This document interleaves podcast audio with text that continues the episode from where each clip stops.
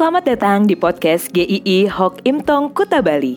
Penginjil Ray Reginaldi akan membagikan renungan harian singkat untuk membawa Anda mengenal dan menyembah Tuhan Yesus, bertumbuh dan menjadi murid Kristus, serta berdampak untuk banyak orang. Jika Anda merasa diberkati melalui renungan ini, silahkan bagikan podcast ini agar orang lain juga diberkati. Inilah renungan hari ini.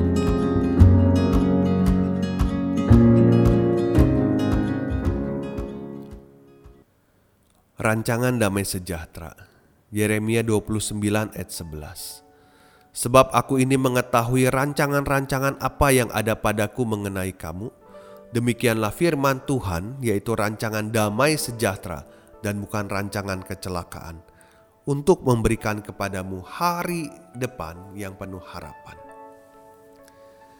Saya suka menanyakan kepada jemaat-jemaat di dalam masa-masa pandemi ini, apakah ada yang bisa kami doakan di dalam kebaktian doa? Ada yang merespon, ada juga yang tidak.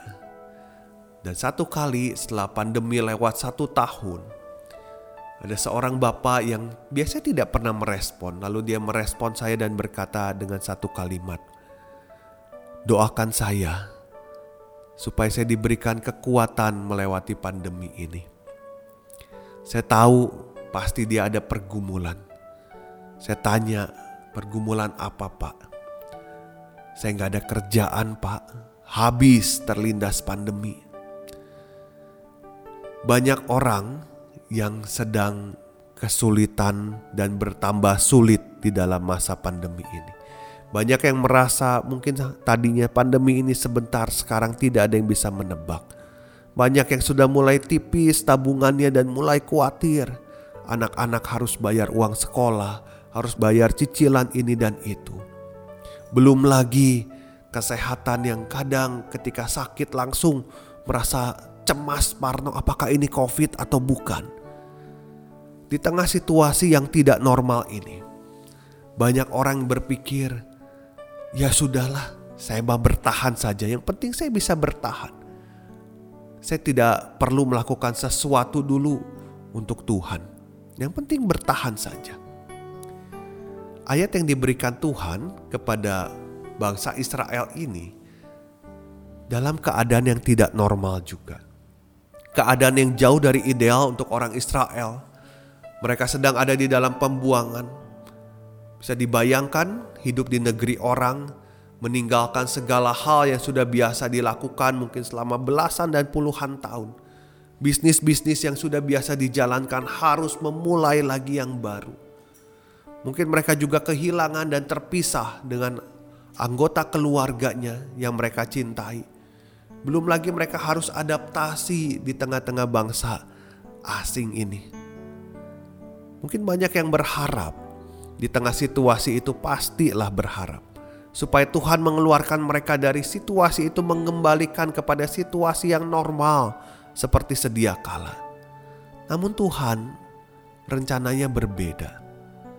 Tuhan berkata kepada mereka yang ada di dalam pembuangan itu, "Hiduplah di sana, tinggallah di sana, bekerjalah di sana, bangunlah rumah tangga di sana." Bahkan ikutlah membangun kota di mana kamu tinggal. Doakan kota itu.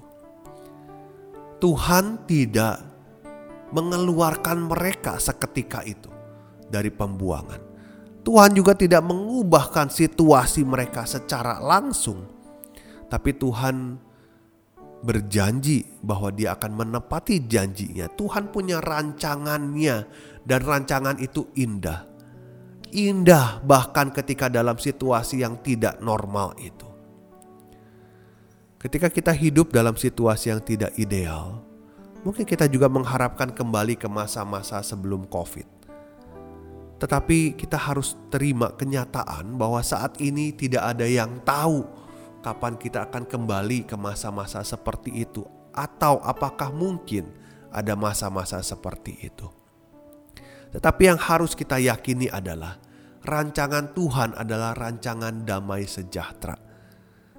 Ingat keselamatan Tuhan Yesus membawa damai sejahtera, bukan kecelakaan.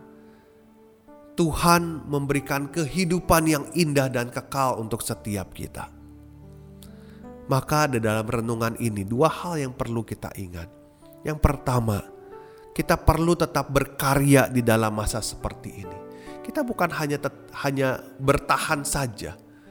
Bukan, tapi kita bisa memikirkan apa yang Tuhan mau untuk kita bisa berkarya di tengah-tengah situasi yang tidak normal ini Tuhan mungkin mau kita untuk bisa melayani melalui online. Kita bisa mendoakan keluarga kita yang kesulitan. Mereka yang belum percaya. Orang-orang yang ada di garis depan di ladang misi. Kita bisa berdoa. Kita bisa melakukan karya kita di dalam masa yang tidak normal ini. Yang kedua, kita bisa berjalan. Tetap berjalan dengan percaya pada rancangan Tuhan. Dikatakan rancangan yang terbaik adalah bukan situasi semuanya bebas dari masalah, tetapi bahwa kita percaya Tuhan tidak pernah salah untuk mengizinkan sesuatu terjadi dalam hidup kita. Percaya pada rancangan Tuhan berarti kita mempercayakan hidup kita, pekerjaan kita, keluarga, gereja kita, segala sesuatu dalam rancangan Tuhan. Maka marilah kita tetap hidup dengan melihat dan percaya ada rancangan Tuhan yang indah, penuh damai sejahtera. Kita akan bertemu dalam episode selanjutnya di besok hari.